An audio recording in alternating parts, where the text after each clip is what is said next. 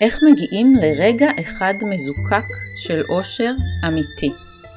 האם יש לנו רצון חופשי או שאנחנו רק צינור לאיזשהו רצון שהרבה יותר גדול מההוויה שלנו?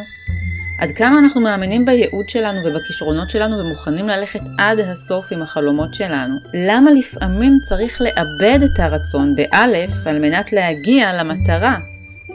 ומה הקשר בין מנצח על תזמורת לשחקן בתפקיד הראשי? כל זה, על כל זה, ננסה לענות בפרק הזה שהיה לי כל כך כל כך כיף להקליט. פרק שכולו ניסיון להבין מי כותב את יצירת חיי. ברקע אנחנו שומעים את המוזיקה הנפלאה שהלחין רוני פורט. זה נכתב על פי ספר ומחזה של עגנון, כנגן המנגן, והוא האורח הכל כך כל כך מיוחד שזכיתי להביא לכם כאן היום. פתיח ומתחילים.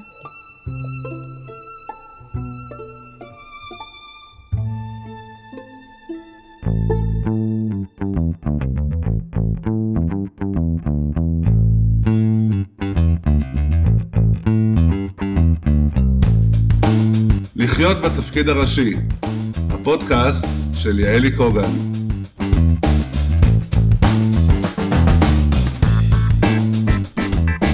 אתחיל בסיפור משעשע. אתמול אה, יצאתי עם בעלי לאכול סושי, כן. ופגשתי ב... ישב לידינו אה, חבר, חבר טוב שלי, והוא גם מאוד מאוד אוהב מוזיקה, והוא הולך לריטריטים, ואני מוצאת את עצמי במשך רבע שעה מתלהבת על הריטריט שלך, ותקשיב, אתה חייב ללכת לזה, וזה, כאילו חוויתי את זה בעצמי, ואני מתארת לו מה הולך שם.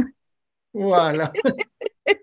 עכשיו, מה שהיה מצחיק זה שאני כאילו מתארת לו את זה, ואני מרגישה כאילו הייתי שם כבר, אז א', זה ברור לי שאני הולכת להיות בריטריט שלך בסיני.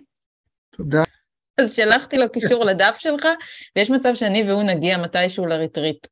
יאללה, יאללה. אז רוני כיף. פורט, איזה כיף שאתה כאן. תודה שאת מארחת אותי, יעל.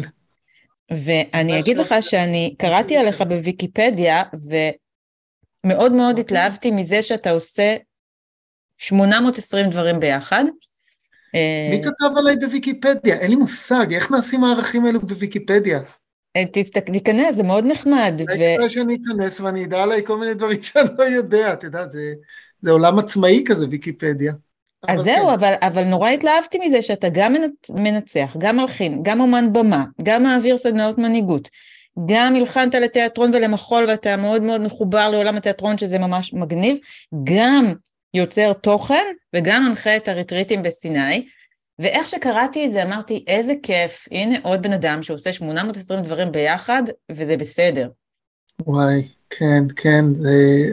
אני ככה, כן, אני מאוד uh, רוחבי, ואת יודעת, אני מאוד, uh, נגיד, אני בהתלהבות גדולה מהחיים האלה, ומה שאני אוהב, אני, לא רק שאני עושה, אני מרגיש שאם יש לי כישרון, בתחום מסוים ובכלל, ואני חושב שלכולנו יש כישרון, אין לי את הזכות אפילו שלא להביא אותו לידי ביטוי, כמעט זה פשע, אני חושב שלבן אדם יש כישרון והוא לא מביא אותו לידי ביטוי, ולמה? כי זה לא שלי. קיבלתי נכון. את זה נכון. מתנת אל, ואני פה בשביל להשאיר את זה למען האחרים. אז זה בדיוק הסיבה שהבאתי אותך לכאן, כי אני נתקלתי בך בפייסבוק, וכל פעם כשאתה כותב משהו, אני, אני קופצת מהתלהבות, ואני אומרת, יואו, איזה כיף, אני, אני חושבת בדיוק ככה. ו... מה שאתה אומר כרגע זה, אני ממש מאמינה שביום שאני אמות אני עולה למעלה וישאלו אותי, נתתי לך את הכישרון הזה וזה, מה עשית איתו? אם לא עשיתי כלום ישלחו אותי לפה עוד פעם, כאילו זה ברור לי. לי, לי יש ממש חרדה לא לממש, כאילו אני יודעת ש, שיחסו עליי למעלה אחר כך. באמת, אמיתי אני אומרת לך. כן, אני, אני את אחותי. אז, אז זהו, אז אני כל כך התלהבתי מזה, כי אתה יודע, הרבה פעמים אנחנו מרגישים שהחלומות שלנו הם שלנו, ואני מאמינה שממש לא.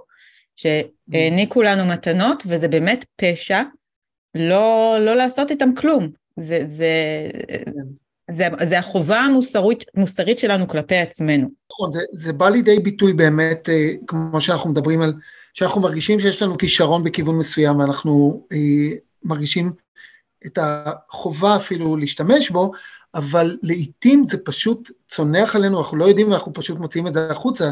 אם אני אתבונן על ההיסטוריה, אה, על ההיכרות שלי למשל עם עולם המוזיקה, היו מלחינים שהרגישו שהם מולחנים, למשל מוצרט, הוא, הכתיבה שלו, היא לא הייתה שלו, הוא גם נכון. התבטא ככה, זה, זה פשוט, אה, הייתי צינור, הייתי צינור כי לפעמים זה, זה די מטורף שזמן ההלחנה, זה, יש תחושה שזמן ההלחנה של מוצרט אורך כמו זמן הביצוע של היצירה, גם אם יש בה כמה קווים מוזיקליים בו זמנית. וגוסטב מאלר אמר, אני לא מלחין, אני מולחן. ו, וגם אני אה, הקטן, אני לא יודע להצביע כשאני מלחין, והלחנתי באמת לא מעט בחיי, אני לא יודע להצביע אפילו על רגע היצירה עצמה. יש לפני ויש אחרי. והדבר הזה הוא, הוא, הוא, הוא מיסטי ממש. יש לי צמרמורות, אתה מדבר ואני כולי צמרמורות, כי כשאני כותבת מחזה, זה תמיד בים, אני הולכת בים, אני עושה סאפ, ואני יכולה לעשות סאפ ולחזור הביתה, ואני פשוט לא עושה כלום, אני פשוט על המקלדת ומישהו מכתיב לי את המחזה. אני נשבעת לך בחיי, וזה... הרבה פעמים אני קוראת את זה כמה ימים אחר כך, ואני בכלל לא זוכרת שזה אני כתבתי. אה, וזה מאוד מאוד מתחבר לי ככה למה שאמרת, ואני ממש ממש שמחה שאמרת את זה, כי זה שוב גורם לי להרגיש... הרעיון הזה זה על מנת שאלי קוגן תרגיש שפויה בחייה. יאללה, תראי, חושב שזה נכנס, כל נושא היצירה נכנס למכלול הגדול של הדבר שאנחנו קוראים לו חיים. ואני רגע אקשר את זה, כי באמת, אני, בתחושה שלי, זה לא שאני אה, חי חיים, חיים אה, מתקיימים בי. זאת אומרת, אני מרגיש כאדם, באמת בהגדרה שלי הברורה, אני קורא לזה זכיתי להיות כלי ביטוי לחיים, לא לחיים, לחיים, לזמן מה. ובמקום הזה באמת אין הבדל ביני לבין העץ אלון שבחצר, או החתול שלפני דקה ראיתי. אה, כולנו כלי ביטוי לאיזשהו דבר כזה שקוראים לו חיים, רק אנחנו בני אדם, יש לנו את היכולת גם לייצר הגדרות ביחס לדברים האלו. ברגע שאני משייך את החיים אליי, אני מרגיש שאני מתחיל להתרחק מהם. ו, וזה דבר מדהים. וזה, אה, זאת אומרת, אני מרגיש שזו באמת אחת השליחויות שלי בחיים, להצליח ל, להציע איזושהי פשטות כזאת. ובמידה רבה אני רואה את האגו כ... כ, כ בין היתר זה התגובות ההיסטוריות שלנו, הלא מודעות. ושם אה, בעצם מגיב במקומנו הלא מודע. והלא מודע שמגיב במקומנו הוא מתוכנת. והתכנות הזה, שהוא שייך לעברנו לרוב, אה, אני ממש מרגיש שזה האני הלא מודע, זה בעצם האגו. וכל מה שאנחנו צריכים זה בעצם להצליח להתעורר ולהיות אלו שמסוגלים באמת לראות את עצמנו מבחוץ, אה, באהבה, בחמלה, בלי ביקורתיות, מי שאתה, וזה הכל בסדר. זה מאוד הזכיר לי, אתה יודע מי זו ימימה אביטל, זיכרונה לברכה? אני אה, אף פעם לא הייתי בשיעורים שלה, אבל קראתי דברים ו... זה כל כך זה. היא מדברת על מידת רוחק, על היכולת שלי לצאת מהעומס הרגשי ולהתבונן מהצד, וכשכתבת, היה לך פוסט מדהים שקראתי, שכתבת על זה שאתה בתקופה ארוכה הצלחת בעצם להתנתק מה, מהאני ולהתבונן מהצד, ו- וזה כלי שאתה יודע, ששנים כשלמדתי ימימה ניסיתי להבין אותו, אני לא מצליחה לעשות את זה ליותר מ- מכמה דקות. זה משהו שקרה? זה משהו שנכפה עליי, זה פשוט קרה. זה פשוט קרה, הייתי בן 28 וחצי, וזה פשוט קרה יום אחד, אה, בתוך, אה, את רוצה שנדבר על זה עכשיו?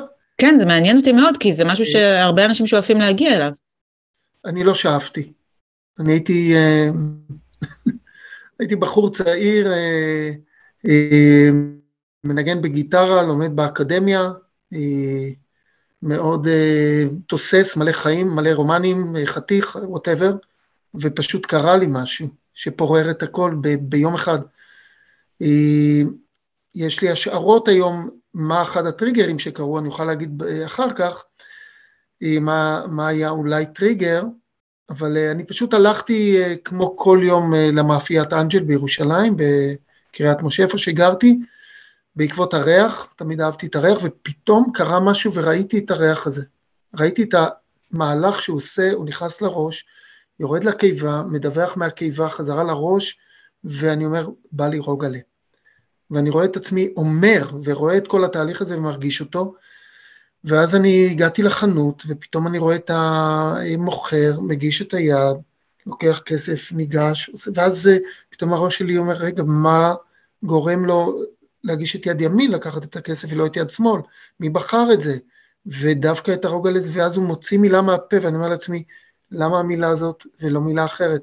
מי מניע את זה? ואז אני אומר לעצמי, או משהו כזה, למה אני חושב עכשיו את המחשבה הזאת, ולא מחשבה אחרת, הייתה יכולה להיות אצל מישהו מחשבה אחרת לגמרי עכשיו.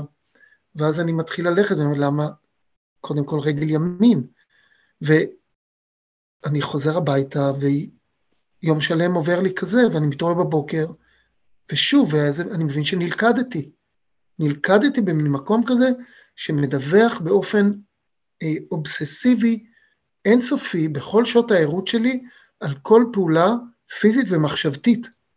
דיווח מבחוץ, בזמן שהיא קורית, ולעיתים לפני שהיא קורית, אני עומד לקום וללכת למקרר ולנוע ביד, להתחיל ברגל שמאל, לפתוח את המקרר ביד ימין ולהוציא מהמקרר ביד שמאל. זה נשמע מאוד מבהיל. אז זהו, מה שקרה שאחרי כמה ימים, או אחרי, זה לא זכור לי בדיוק, אחרי כמה זמן הבחנתי שאני מתחיל לדבר אל עצמו, לא אל עצמי, בגוף שלישי. עכשיו הוא קם, עכשיו הוא הולך, עכשיו הוא מתבונן, עכשיו הוא... כאילו, כל מיני דברים פתאום, וכל התפקודים שלי נהיו אה, תחת הדיווח, כולל מערכות יחסים. אבל הצלחת להרגיש דברים, או שזה היה ממש להתנתק מהרגש? ברגע, ברגע שהתחלתי לדבר בגוף שלישי, אז זה היה רגש של מישהו אחר. וואו. ורגש של מישהו אחר אינו אישי. ואז הכל, זה אני מבין מאוחר יותר, שזה היה איזשהו מנגנון הגנה, שהתחלתי לדבר בגוף שלישי. ורגשות של מישהו אחר אינם אישיים, ורגש שאינו אישי הוא בסך הכל רגש. וזאת הייתה, זכור לי, משהו כמו שנה וחצי בחיים שלי. שה, שה, זמנים מעטים מאוד שבהם אה, חזרתי להיות אחד, וזה היה כשניגנתי בדרך כלל מוזיקה של באך, או שמעתי את באך, ומאז באך הוא ממש המציל של החיים שלי. וגם כשהסתכלתי אה, על חיות, היה לי חתול והסתכלתי עליו איך הוא עובד. כן. זה היה מקסים לראות, כי הוא אחד, הוא אחד. אני כל כך רציתי להיות לא מודע, וזה אבסורד, כי אנחנו רוצים להיות מודעים, אבל רציתי להיות לא מודע, פשוט לתפקד רגיל, אבל לא יכולתי. אני נלכדתי בתוך ההתבוננות האינסופית הזאת מבחוץ על המוח שלי, ועל כל תנועה, ועל כל דבר, ואני זוכר לילה אחד שלם שלא יכולתי לישון, כי הטריד אותי מגע בין שתי אצבעות ברגליים. Mm-hmm. לילה שלם, לא יכולתי לישון. למה, איך אני אומר, כל החיים לא הרגשתי את המגע בין שתי האצבעות האלו, ועכשיו אני לא יכול לא להרגיש אותו. זאת אומרת, כל הזמן הייתי במין עבודה כזאת של התבוננות, כמו שעושים במדיטציה. במיינדפולנס, היית במיינדפולנס בלי לרצות. זה היה נשמע לי מאוד כיף, עכשיו שאתה מדבר על זה, זה נשמע לי כמו סוג של קפקא כזה, סיוט אפילו הייתי אומרת. זה היה סיוט שלו, לא שלי. כן. ברגע שחייתי בגוף שלישי, אז הייתי מחוץ לעצמי. ברגע שהייתי מחוץ לעצמי, לפעמים הרגשתי, אה, עכשיו הוא עושה כך, עכשיו הוא יעשה כך. התחלתי לנהל את זה. כן. ובעצם לא היה אני, היו שתי דמויות, הדמות ההיא שהיא עומדת תחת הזרקור והמיקרוסקופ כל הזמן, והדמות שמנתחת מה קורה שם. כן. והדמות שמנתחת גם הצליחה לשחק משחק מול החברה ומול המשפחה, איזשהו משחק של אוקיי, כאילו החיים ממשיכים כרגיל, ואז אני מדווח לעצמו שעכשיו הוא מדבר עם אח שלו, והוא אומר כמו שהוא תמיד אמר כך וכך וכך וכך. אה, כמו שהתחילה התקופה הזאת היא נמוגה, פתאום איזה יום אחד אמרתי, וואו, חזרתי. כן. חזרתי הביתה, אבל המתנה הגדולה של התקופה הזו, שיצאתי ממנה אה, במידה רבה נטול הדבר הזה שדיברנו עליו קודם, האגו. כן. בכל פעם שאני מרגיש היום שחוזר, עולה איזה גל נניח, שבעבר היה הופך להיות כעס, או מרמור, או אקרט טולי קורא לזה גוף הכאב. בדיוק, הקדמת כן. אותי, באתי לדבר עליו, כן. אז בכל פעם שעולה גוף הכאב, חוזרת המודעות ההיא ואני מדבר אליו. כאילו, כן. אני, אני יכול עכשיו בהזמנה להיות מיד באותה מודעות מלאה, כולל להבין מה עושות כפות הידיים שלי עכשיו הרגליים, אבל היום זה שעשוע, היום זה הופך להיות כלי ערות, כן. שאני משתמש בו עכשיו, ואז אני יוצא מהספונטניות, אבל אני רוב הזמן חי בתוך הספונטניות היום.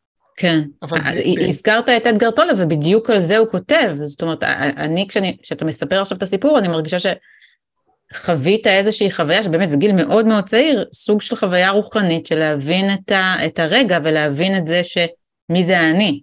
האם האני זה אני, או האם יש אני שהוא, שהוא יותר גבוה, שמתבונן על האני הזה, ו, וזה משהו רוחני שקרה לך, שהצלחת לאסוף ו, ולקחת היום ככלי ל, להתבוננות שהיא נעימה לך ולא מעיקה. זה כלי להתבוננות שהיא נעימה לי, היא עוזרת לי, היא מצילה אותי, בוא נאמר, אה, אני יודע להתמודד עם משברים גם באמצעות הכלי הזה, כאילו, הופ, אני נשאב החוצה. כן. וזה, ואני נכנס לנוכחות, לפרזנס, במילה פרזנס. אה, כן, וזה גם הפך להיות כלי לימודי בשבילי, כי מה שאני יכול להוציא מתוך זה כדי אולי, אחרי שהבנתי במידה רבה איך עובד ה mind שלי לפחות, וכמה כוח יש לטקסטים שמסתובבים לי בראש, וכמה שליטה כן יכולה להיות לי על הטקסט, לפחות הבא. אני לא יודע על המחשבה שתעלה עוד שלוש דקות, יש עולם שלם לפניי, אבל המחשבה הבאה, שהיא טקסטואלית, כמה כוח יש לטקסטים האלה יש את המודע לטקסטים שאתה מדבר עם עצמך, או מדברים אליך מבחוץ, מדיה. אתה יודע, זה ממש מתקשר לי למשהו שאני, אני, שאני הוצאתי שלך שכתבת, זה חלק מפוסט יותר ארוך. אני אקריא את זה רגע, אתה ציטטתי את זה, כי זה ממש דיבר אליי וזה מאוד התחבר לי גם לעולם התיאטרון, לזה שאני מחזאית ובימאית, והחלפתי את המילים, אני, אני אקריא את זה. בבקשה. מדובר למעשה באותו הבדל, כמו בין רקדן לנגן. התנועה אצל הרקדן היא תוצאה של תגובה למוזיקה, התנועה אצל הנגן היא תוצאה של יצירת המוזיקה. המנצח, המנצח הוא שניהם יחד, ובו זמנית הוא מגיב למוזיקה שהוא שומע בדמיונו. בשפה ניהולית אפשר להקביל זאת לחזון שמניע אותו. בראשו, בעולמו הפנימי, בו בזמן הוא יוצר מוזיקה באמצעות הנגנים עליהם הוא משרה, אותם הוא מניע בתנוע, בתנועות שלו ובהבעה שבפניו, וכך מאפשר למוזיקה ביטוי בעולם הפיזי ובעולם החיצוני. זה ממש מבחינתי אתה כאן כתבת את כל המהות של הפודקאסט שלי, של לחיות בתפקיד הראשי. וואו. הכל. כל מה שאני חוקרת אנשים, ובאמת, אני מביאה אנשים מכל התחומים, תמצתת את זה בפסקה אחת, ואני רוצה לקחת את זה דווקא לא לעולם המוזיקה ולא לעולם הניהול, אלא לחיים, לחיים עצמם. מה זה כן. אומר עבורך להיות מנצח על הבמה של החיים שלך? כי אתה מבחינתי הדוגמה ללחיות בתפקיד הראשי. כן, נכון. אני קורא לזה בהרצאות אה, לנצח במוזיקה ובחיים. באמת לקחת את ההגבלה הזאת, אה, קודם כל לשלוט, אה, לשלוט, או יש כאלה שפחות אוהבים את המילה, לנהל, לנהל את העולם הפנימי שלנו, להיות בעל הבית.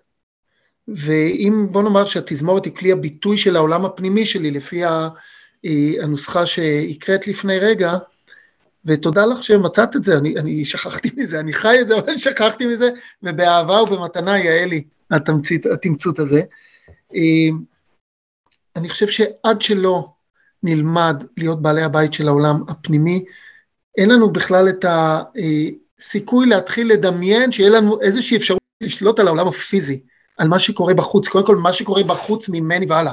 הרי התנועה בין העולם הפנימי לחיצוני זה שאנחנו בתגובה בעולם הפנימי על מה שקורה בחוץ, ואז אנחנו מייצרים, אה, יש תנועה שהיא כבר אה, נכנסת לעולם הפרשני והרגשי, ואז אנחנו מגיבים החוצה. באופן הזה אנחנו גם מייצרים דברים בחוץ, אבל מה שקורה בפנים זה מרחב ההשפעה האולטימטיבי שלנו פנימה, ובסופו של דבר גם החוצה.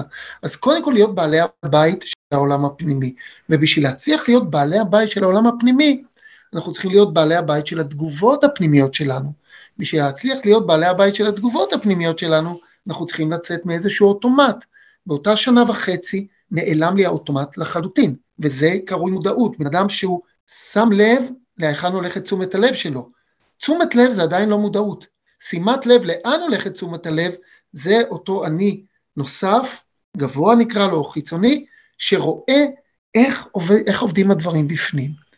עכשיו, אה, העניין שלי בדבר הוא בעצם איך לעבוד עם זה, בלי שזה יהיה אה, אה, שקוף לגמרי מאיתנו, ואז אני הולך אל השפה. השפה היא ברורה. השפה היא מכשיר כמעט פיזי. פיזי, הייתי אומר, מכשיר צורני, שמאוד יכול לנווט אותנו למקומות ההם. ולשפה יש כוח עצום, עכשיו, המנצח עובד עם שפת מוזיקה של מלחין, וזה בעולם המוזיקה. הוא לוקח את היצירה שהמלחין, את הרעיון שלו, את הביטוי שלו, וזה בשפת המוזיקה. השפה המוזיקלית יש לה תוצאות מוזיקליות. לשפה הפיזית יש תוצאות אחרות בעולם הפיזי. ולמלחין יש שליטה על מה שהוא כותב. יש שליטה, הוא יודע מה הוא רוצה להוציא, יש לזה השפעה רגשית מסוימת, זה עוקף את עולם הפרשנות הטקסטואלית, וישר הולך לעולם הרגשי, שזה, אני מוכן לדבר על זה, זה דבר מאוד מעניין, מה קורה בטקסט המוזיקלי שמשפיע רגשית כך או אחרת, וזה דברים שאני מתעסק איתם ומלמד אותם, אבל אנחנו, כולנו בני אדם, שאינם מוזיקאים, וכולנו גם, מוזיק, גם מוזיקאים, הם גם לא מוזיקאים, בני אדם, עובדים עם שפה, ולשפה כמו השפה, הצלילים שמשתמש בהם המלחין, שילובי הצלילים שהופכים להיות מילים מוזיקליות, שילובי המוטיבים האלה שהופכים להיות משפטים מוזיקליים, אנחנו חיים אותם בלי מודעות בכלל למה שיוצא לנו מהפה ולאיך שעובדת המחשבה שלנו, ואז אין פלא שהיצירות שלנו הן כאלו ואחרות, והתגובה הרגשית שלהם, התגובה שלהם, ההשפעה שלהם והתגובה הרגשית שלהם אצלנו, היא קשורה לשימוש שלנו בשפה הזאת, ואנחנו צריכים להתייחס אליה בכבוד גדול, ולדעת בדיוק מה אני חושב, מה אני מוציא מהפה שלי, איך אני מנסח את עצמי פנימה והחוצה, כמה אני חוזר על דברים, מוטיבים שחוזרים, חוצבים בסלע, לאורך זמן מייצרים גוף מוזיקלי מאוד מאוד משמעותי. כמה מוטיבים חוזרים יש לי בראש? איך אני ניגש לפגישה הזאת איתך?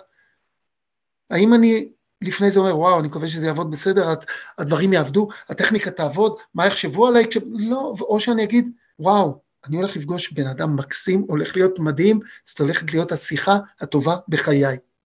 זה בידיים שלי לנהל את התזמורת הזאת, השיחה שלי איתך עכשיו, זה כבר תוצאה חיצונית, כמו תזמורת שמנגנת. איך אני מלחין את זה, איזה טקסט אני משתמש, זה בידיים שלי. וזה ישפיע מאוד על איכות הדבר, על איכות החיים בסופו של דבר. היצירה ש, שאתה כרגע מנצח עליה, איפה ההשפעה שלך כמנצח על איכות היצירה, שהיא כבר מולחנת? אוקיי. ונניח לא הלחנת אותה, היא נכפתה עליך. אני לא מדבר בהכרח על יצירות שאנחנו מלחינים, בכלל לא. אני אגב mm-hmm. מעדיף לא לבצע בעצמי יצירות שלי, ההשפעה שלך על יצירה של אה, מלחין אחר, ברובה היא אה, מסתורית. אתה צריך לצקת את הדמות שלך, את האישיות שלך, אל תוך הצלילים, ובאופן אה, די מפליא, את יודעת, יכולים להיות שני אופים שאופים את אותו לחם עם אותם חומרים, וזה יוצא אחרת. נכון. אחד יוצא כזה, ולחם אחד יוצא כזה. אז אנחנו אופים, אנחנו עובדים עם, עם אותו חומר גלם, ואם אתה כנה, אם אתה בן אדם שחי בכנות, ואתה יודע להתרגש, זה עובר דרך הפילטר של ההתרגשות שלך מהיצירה, אם אתה מתרגש מהיצירה, היא תצא ממך אחרת ממישהו אחר.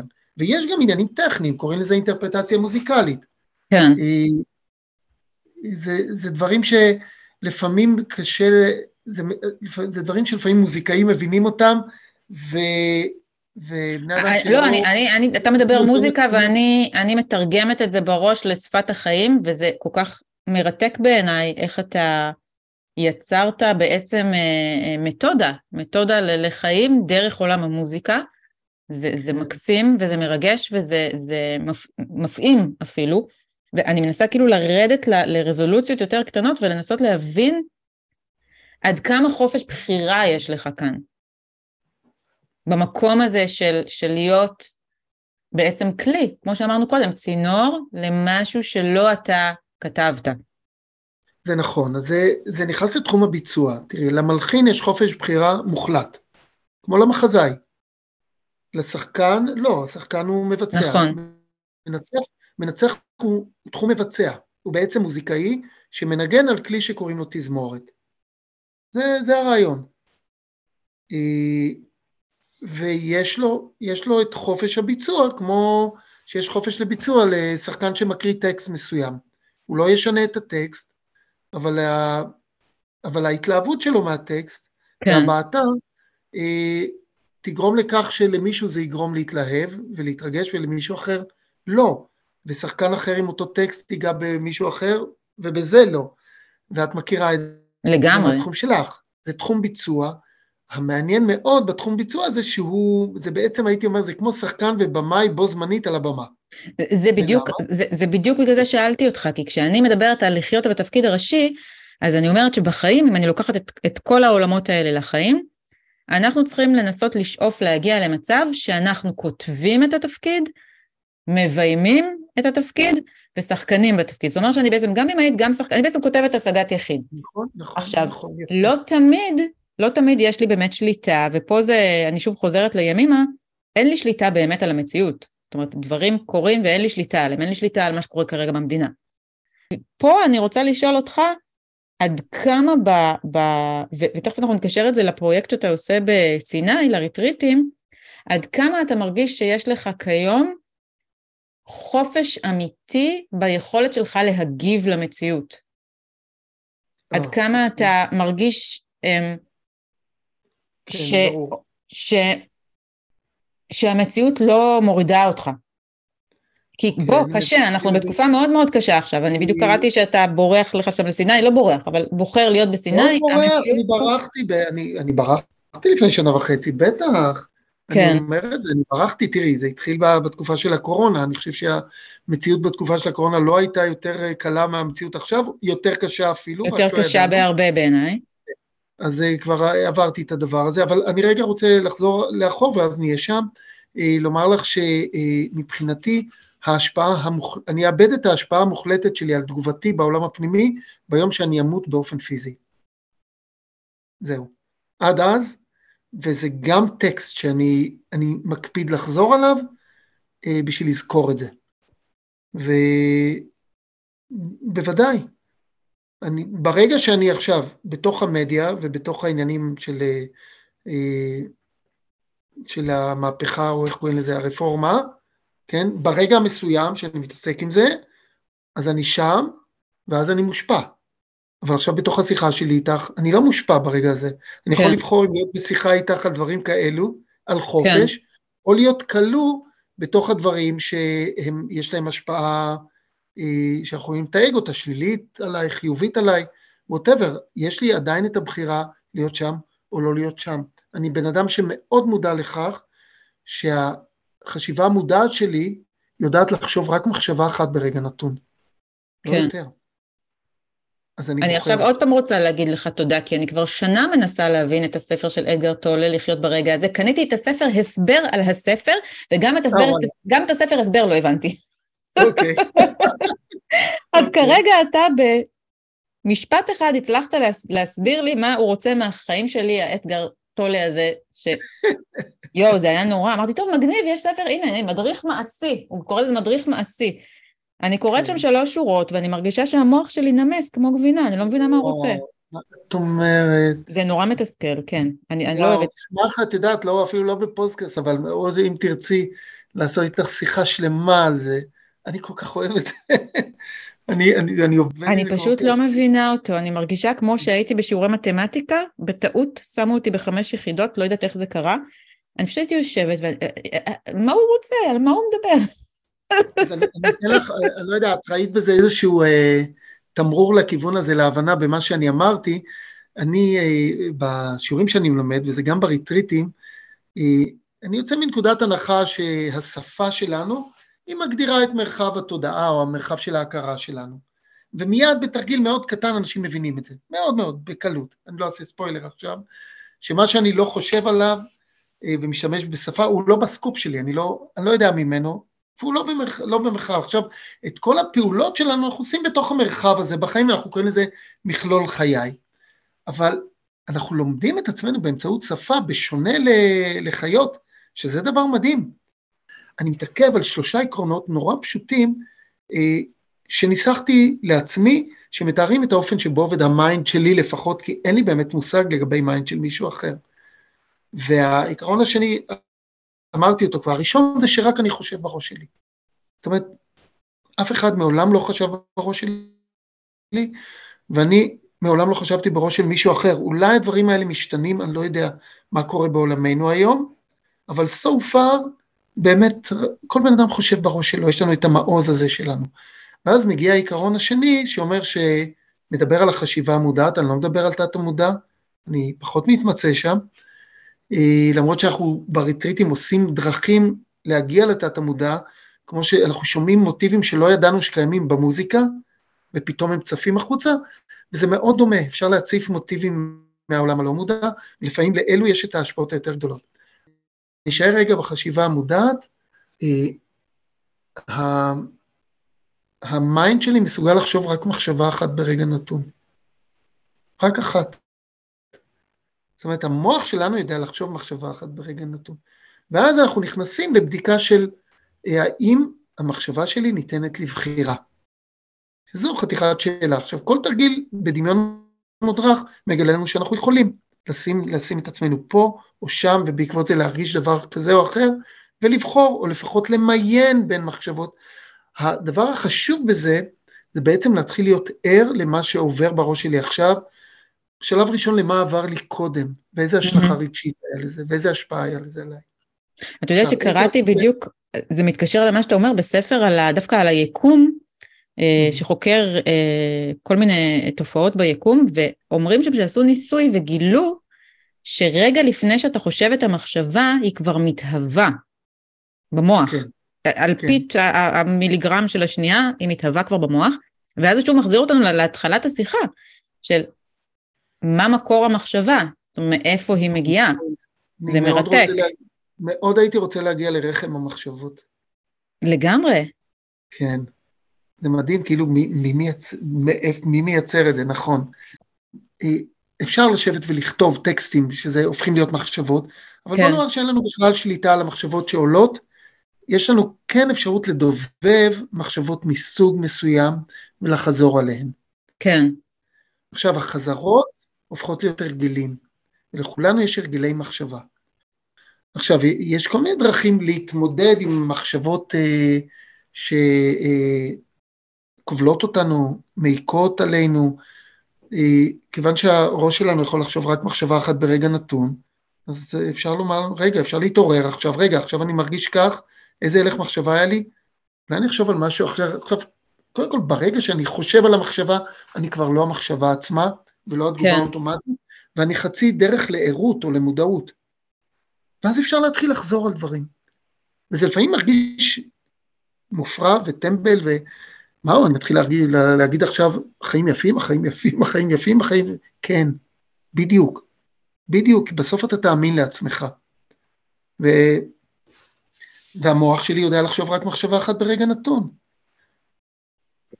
זה דבר אחד. דבר שני, ברגע שאתה מדובב מחשבה, מתחיל לעבוד עם מחשבות מסוג אחר, אתה הופך את הפרדיגמה מתגובתי, אה, תגובתי בלתי מודע, המחשבות שהסתובבו לי בראש, ליוצר מודע.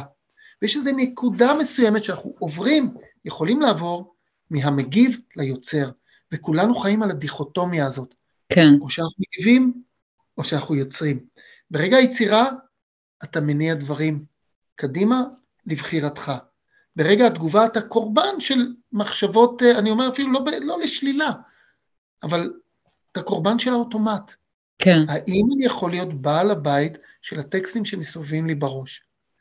עכשיו, זה, זו בהחלט פרקטיקה, כשאני עובר את הגבול למצרים, ישר כבר מתוך הרגל עולות לי המחשבות, הולך להיות סבבה, אני עובר את הגבול, אם יש איזה תור, אז אני אומר לעצמי גמל, גמל, גמל. גמל זה להיכנס למנטליות של גמל או להתבוננות של גמל. הכל בסדר, לפני שאני עולה על הבמה אני אומר שהולכת להיות הופעה נהדרת. כן. שאני חוזר עליהם, עד שהם הופכים להיות הרגל. כשהם הרגל, אני כבר לא צריך לחזור עליהם, הם חוזרים לבד באוטומט. המחשבה חוזרת באוטומט? כן, אנחנו אבל צריכים להזין את, ה, את האוטומט, אנחנו צריכים להזין אותו בדברים שיהיו מיטיבים לנו. כן. זה צריך רגע לפרוס את חיינו ולשאול, רגע, איך אני רוצה לעלות על הבמה? בסבבה? בלי פחד? באהבת הקהל? נגיד שאני רוצה לעלות על הבמה מתוך מקום של אהבה, אז כדאי שאני ארגיל את עצמי לאהוב את הקהל. ואני, אני, לפני שאני עולה על הבמה, אני חוזר מתוך הרגל, אני אוהב את האנשים האלו. אני אוהב את האנשים האלו. אנשים יורדים מהאוטו, מההסעה בריטריטים, אני כבר אוהב אותם. למה? כי אני עושה את העבודה לפני זה. חובת ההוכחה לא מוטלת עליהם. אני מזין את עצמי בטקסטים האלה, ופתאום אני מגלה את עצמי שאני אני אומר את זה, וואו, אני אומר שאני אוהב. אה, לא שמתי לב, זה כבר הפך להיות הרגל. החזרות אה, מייצרות הרגלים, וזה מבחינתי כל הפטנט. זה יושב על זה, כמו שאקר טולה אומר, כוחו של הרגע הזה, הוא לא מזכיר את זה, אבל זה יושב על זה שברגע המסוים הזה עכשיו, יכולה להיות רק מחשבה אחת. היא ניתנת לבחירה, יהיו לה השלכות הרגשיות האלו ואחרות. ברגע הזה עצמו אין בעיה. מתי יש בעיה ברגע הזה עצמו? אם אתה יושב עכשיו ברגע הזה וחושב על חשבון הבנק שלך, שהוא לא נמצא כאן, הוא נמצא בעבר, בעתיד, כי היו פעם בעיות, או חושב על הקורונה, שהיא לא נמצאת כאן, אבל היא הייתה בעבר, בעתיד, במדיה, ברגע הזה עצמו, יש לך את היכולת להיות כאן ועכשיו, ואין שום בעיה. מתי תהיה בעיה? כשהגוף הפיזי יכאב ו... וילך. אבל אז זה בסדר, זה, זה גם יגיע התור שלו. אבל עכשיו אין שום בעיה. עכשיו הכל טוב, יעלי, מצוין. לגמרי, תקשיב, אתה מדבר ואני אני, אני ממש, אני כל הזמן אומרת לעצמי, אני מקשיבה לך, ואני אומרת, אני כאילו באה לי לנשום ולהגיד, יואו, איזה כיף שהבן אדם הזה קיים. הוא, הוא מדבר את כל הדברים שאני מאמינה בכל גופי בהם, אבל אני לא יודעת לתמלל. אני לא יודעת להסביר את זה כמו שצריך. ואתה בא... איזה חמודה, תקשיבי, את, את חסרת אגו, איזה כיף. לא, אני, תקשיב, אני עפה פה, אני עפה, אני מקשיבה, אני אומרת, יואו, אני בא לי, למה, למה זה מוגבל בשעה? אני רוצה עכשיו לעשות איתו סדרה של פרקים לפודקאסט, כאילו, איזה כיף, איזה כיף, איזה כיף. להיות, להקשיב לבן אדם, א', שאני מרגישה שפויה לידך, כי אני מרגישה שאני אני לא צריכה להתנצל על דברים שאני מאמינה בהם, ב', אתה מבין את אתגר טולד, שזה נפלא, ותכף אנחנו נדבר על האהבה המשותפת שלנו. אגב, מה שאמרת לאנשים, לי בכלל יש קטע הזוי. אני רואה פנימיות של אנשים.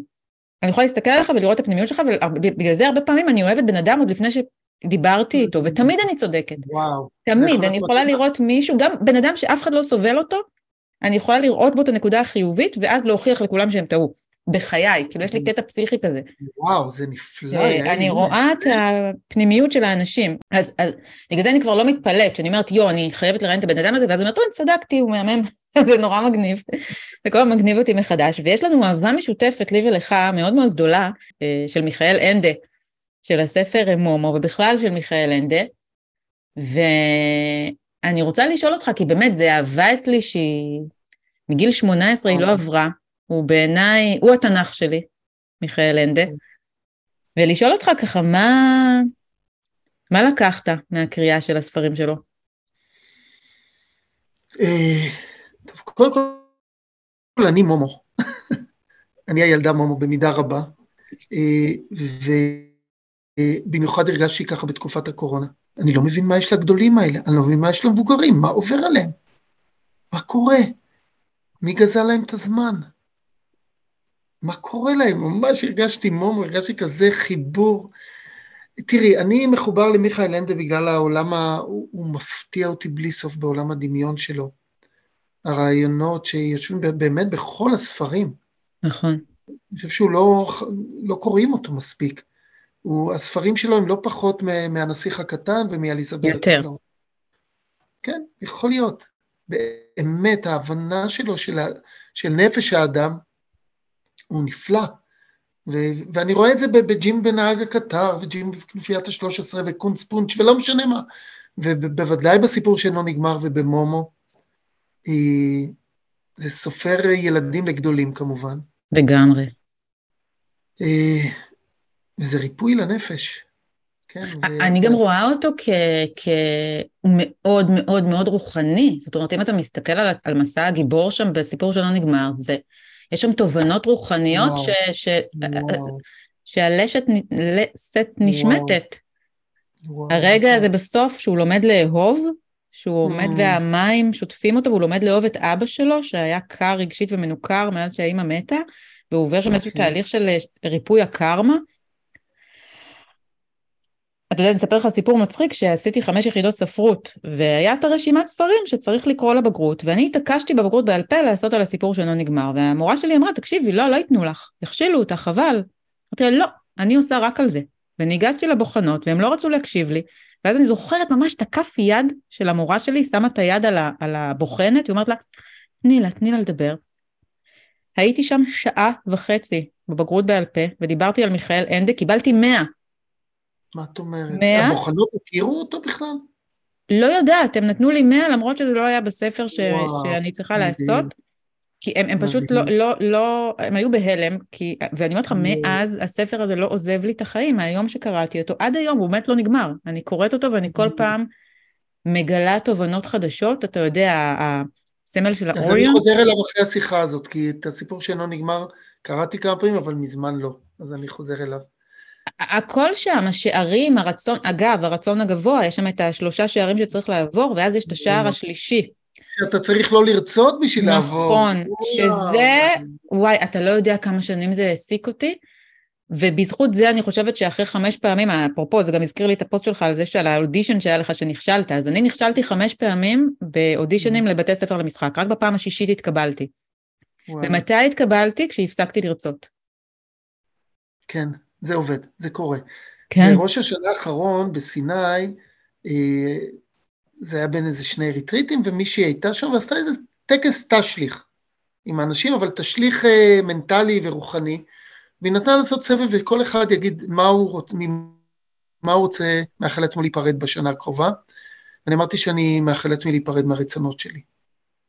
עכשיו, את לא יודעת כמה זה, אני כל כך הרבה רוצה, את יודעת, אני רוצה לכתוב מיוזיקל למומו, ואני עושה את זה כבר שבע שנים, ואני אני יודע שהכל יכול להיעשות אפילו טוב יותר בלי, ה, בלי ה, ה, החלק של הפאשן בתוך הרצון. אז, אז כאילו הוויתור הזה, האי התנגדות, לרצות, יש בזה המון התנגדות ברצון. נכון. ו, ושוב, יש לנו את הכישרון, אנחנו שמים אותו בתוך התנועה, והדברים יקרו. אנחנו נכון. נתמסר לתוך הדברים האלו, אבל הרגשתי שכאילו אני רוצה להרפות, עוד לא הצלחתי להבין את זה לגמרי, אבל מהמקום הזה של לרצות. אני חושבת שזה קשור לביינג. אני הבנתי שברגע שאני מבינה שהרצון הוא לא שלי, אז, אז Mhm. הכמיהה הזאת, הכאב הזה בשרעפת הוא וואו. טיפה נרגע, ואני כבר מדמיינת את עצמי ב being של להיות במקום הזה, כי הוא כבר שלי, הוא כבר נכתב לי, וזה עובד. זה בדיוק הסיבה של, שלא משיגים רצון, כי אתה, אתה עדיין בשלב ש, שכאילו לא מאמין שזה יקרה לך. ורק ברגע שאתה ב being ואתה בהוויה של אני כבר שם, אז דברים קורים. זה, זה השיעור שאני למדתי כש, כש, כשבסוף התקבלתי. כבר הייתי כל כך מיואשת וכל כך עצובה, כי אני ידעתי שאם אני לא אהיה שח- לא, ללמוד משחק, אני לא רוצה לחיות. מבחינתי התיאטרון זה היה המקום היחיד שאני יכולה לחיות בו, לא רציתי לצאת לעולם בלי, בלי זה, ופשוט התמסרתי, זהו, ואז זה קרה. ו- וזה שיעור שהולך איתי, אני לא סתם מדברת על זה כל הזמן.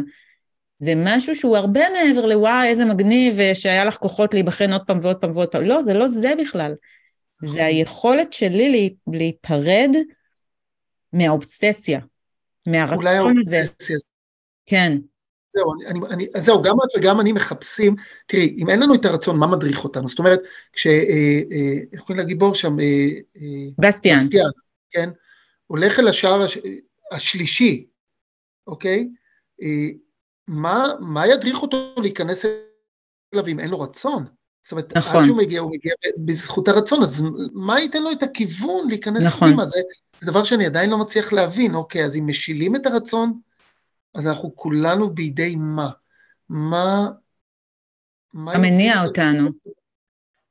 כן. יש גם את, ה, את הקיסרית, שהיא שואלת אותו למה כל כך הרבה זמן חיכית לך, והוא לא האמין, הוא לא האמין בייעוד שלו, שזה גם משהו, עד כמה אנחנו, אתה יודע, אני, אני עובדת עם המון נשים מוכשרות, ב, ב, באמת, עד, עד, עד אינסוף, והרבה פעמים יש פער בין הכישרון, המתנה הזאת שדיברנו עליה בהתחלה, לבין האמונה שלי ב, בייעוד שלי.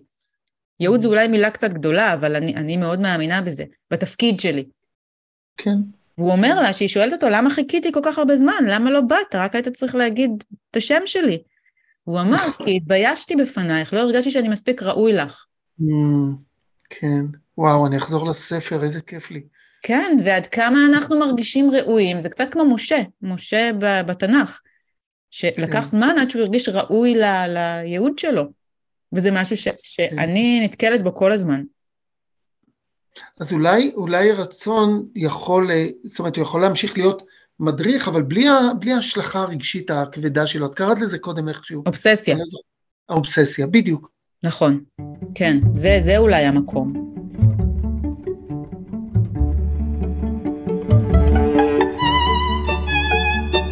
רוני, אני עוברת איתך לשלב הכי כיפי של חמש בעשר, שזה חמש שאלות בעד עשר דקות. אתה מוכן? כן, יאללה. אה, אני רוצה, נורא מעניין אותי לשאול אותך, מתי היה הרגע הראשון בחייך שמוזיקה היממה אותך והתאהבת? מתי הרגע הראשון בחיי שמוזיקה היממה אותי והתאהבתי? וואו. אני, יכול להיות שבתקופה ההיא שאני הייתי לא שייך לעצמי ומאוד שייך לעצמי בחוץ, ואני חושב שבאך, הפרק השני של הקונצ'רטו לשני כינורות, שהוא עד היום בשבילי, אם אני צריך לבחור משהו, שאני רק נשאר איתו כל חיי, אז אה, יכול להיות שיהיה הדבר הזה. אבל היה לי את זה גם עם הביטלס יותר מוקדם. בגיל יותר צעיר? כן, כן. באיזה גיל התחלת לנגן? אני, אני לא יודע, אני 21. אה, וואו, לא, לא צעיר. לא, לא, לא הייתי ילד מוזיקה, הייתי ילד ספורט. באמת, וואו, אז, אז איך זה הגיע? פתאום? קיבלתי מתנה מאחותי תקליט של אנדרס סגוביה, מנגן גיטרה, והתאהבתי. אולי וואו. אז, אולי אז, והתחלתי לנגן בלי סוף על גיטרה משמיעה, וכן, אולי אז, את יודעת מה, בדיוק ה... היצירות ההם בתקליט הזה, פאף, בום, התאהבות מטורפת. לא יכולתי לעמוד בפני זה, ממש. תקופה שלמה, עבדתי בבית חולים, בשמירות פרטיות, ובין השמירות, הייתי חובש, בין השמירות ניגנתי כל הזמן בגיטרה, וזהו. בסוף עם זה גם נבחנתי לאקדמיה. אני חושב שאז קיבלתי את הבומבה בראש. כן. כן, בהחלט. שאלה שנייה, האם היה שלב שהיה קונפליקט פנימי בין ללכת ללמוד משהו, אתה יודע, אה, עם עתיד, או שמההתחלה ידעת שאתה הולך אחרי הלב? מההתחלה. אני לא מכיר משהו אחר. לא מכיר משהו אחר, ממש. אה, אני חושב שכל דבר שנעשה מתוך אהבה יהיו לו תוצאות פרקטיות גם. זהו. זו הפרקטיקה, אהבה. וזה צריך להיעשות על ידי אהבה. אני לא, מעולם לא חשבתי על אה, ללכת ללמוד משהו כי צריך. ממש לא, ולא. לא, אולי לחשו לי מלא באוזן, אבל ממש לא. אפילו לא זוכר מה לחשו. אני מוזיקאי עם שמיעה סלקטיבית. יש דברים שאני ממש לא שומע. כן. שזה מוביל אותי לש... לשאלה השלישית, דיברת המון המון על אהבה. אמ, מתי, אה, מתי הרגשת שאהבה זה...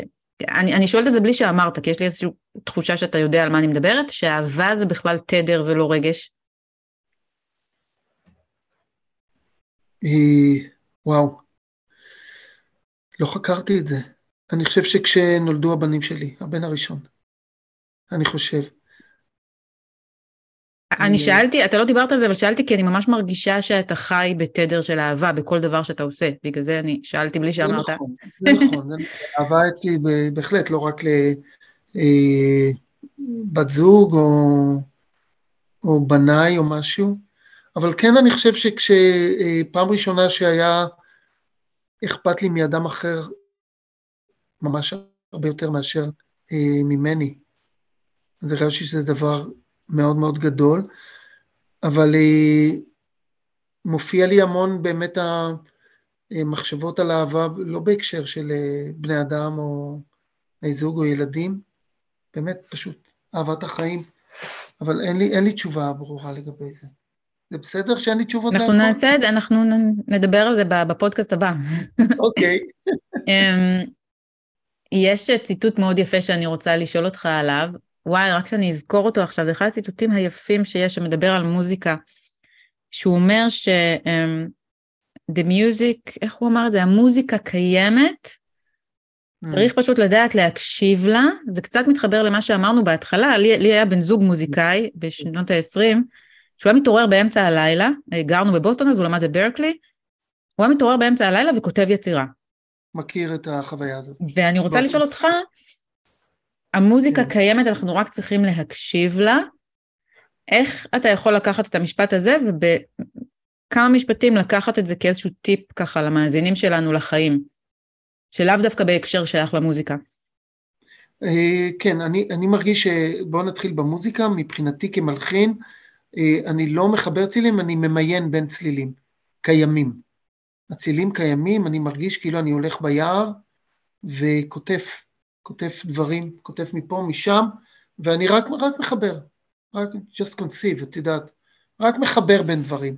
אז הם קיימים, כל זה, כן, אני מרגיש ממש שהיצירה קיימת, ואנחנו הולכים אחד לקראת השני, ואני רק עושה איזשהו מיון, אני מטיל סדר.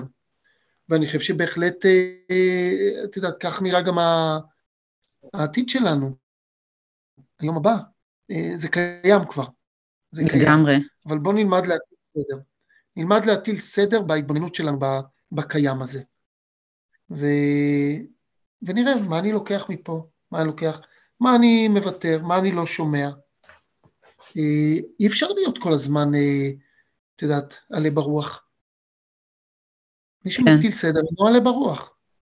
אפשר להיות עם, אה, את יודעת, עם מטאטא גם. קצת, אה. אז אה, אני חושב שזה ניהול מחשבתי, בהחלט, לפני הכל. כן. ושאלה אחרונה, מה החלום הבא שלך? מה החלום הבא שלי? תראי, יש לי, אני אגלה לך, כמה. יש לי ביומן גוגל pop-up כזה שקופץ כל יום ראשון בבוקר, ויש שם רשימת חלומות. ואני פשוט עושה ויים על כל מיני דברים, אבל הקטע המדהים הוא שאת הדברים הגדולים שעשיתי בחיים לא חלמתי. אני בעצם חולם לאחור. בוא נגיד ככה, הריטריטים בסיני, מעולם לא חלמתי עליהם. מעולם לא חלמתי. אבל אחרי שעשיתי ריטריט אחד, שניים, שלושה, אמרתי, בואנה, זה היה חלום מדהים. ואז אני אומר, זה חלום. זה חלום. והריטריטים האלה זה באמת חלום, זה אני אומר, וואו. אבל כן, יש לי, יש לי את מומו, אני יודע, אני לא הולך מהעולם הזה, לפני שהמיוזיקל מומו עומד על הבמות, אני יושב בקהל, אני אומר תודה. אני יושבת שם לידך, זה הספר האהוב עליי, ברור לך, אני, לגמרי. יכול להיות שאני אנצח על ביצוע הבכורה, אולי, נראה. וואו. אה, כן, ויש סרט ש... שבעצם אה, זה סרט שעוטף את כל העולם הפנימי הזה שלי אה, ושם אותו במקום מאוד חזק בחוץ, שאני ממש התחלתי לעבוד עליו עכשיו, אה, שאני מחפש לו גם תסריטאי, כי אני יושב על כל הקונספט ואני לא מגלה פה בכלל, אבל זה גם חלום, בטח. אה, קורים עכשיו גם דברים מאוד מעניינים בעולם המוזיקה, שאני חוזר ממקום אחר, הפסקה של כמעט שלוש שנים. אז זה, אה, זה כאילו איזה שהם חלומות ספציפיים. אבל אה, בסופו של דבר נראה לי שהחלום הכי גדול זה לחיות רגע אחד שלם ומאושר בחיים האלו, באמת. וואו. רגע אחד. וברגע שיש לנו רגע כזה, אז אנחנו מבינים שזה בר השגה. רוני פורט, איזה כיף לי, איזה כיף לי ש, שבאת לכאן, באמת, אני, אני, אני חושבת שזו אחת השיחות שהכי נהניתי בהן, ובכלל לא הסתכלתי על מה שכתבתי לשאול אותך, לא נורא. זה, הכל היה, כי היו עוד המון שאלות, אבל אנחנו, אנחנו ניפגש מתישהו עוד פעם. יכולים להמשיך עוד מאה שעות. לגמרי, אתה, אתה אמרת קודם משהו שממש ככה התחבר לי, אמרת שאתה יושב בסיני ומרגיש שאתה כבר מלאך, ואני חושבת שאתה באמת מביא המון איכויות אמ, מאוד מאוד גבוהות לעולם הזה, כמו מומו, באמת כמו מומו. זה באמת תענוג, כן ירבו, כן ירבו כמוך. אה, אתה מביא אמת, אתה מביא אמת ואתה מביא אהבה ואתה מביא מקום נקי, ו... וזה לא סתם שכשקראתי אותך אמרתי וואו איזה יופי הוא חי בתפקיד הראשי. Mm. לגמרי, לגמרי. וזה בעיניי, לי לפחות זאת הייתה אחת השיחות הכי מעוררות השראה שיש. כי זה לקחת את כל התיאוריה שיש לי בראש ולדבר עם מישהו שחי אותה. וזה ממש ממש תודה. איזה מקסימה את. היה לי תודה לך שהזמנת. מה זה, הייתה לי שעה נפלאה בחיים עכשיו, באמת.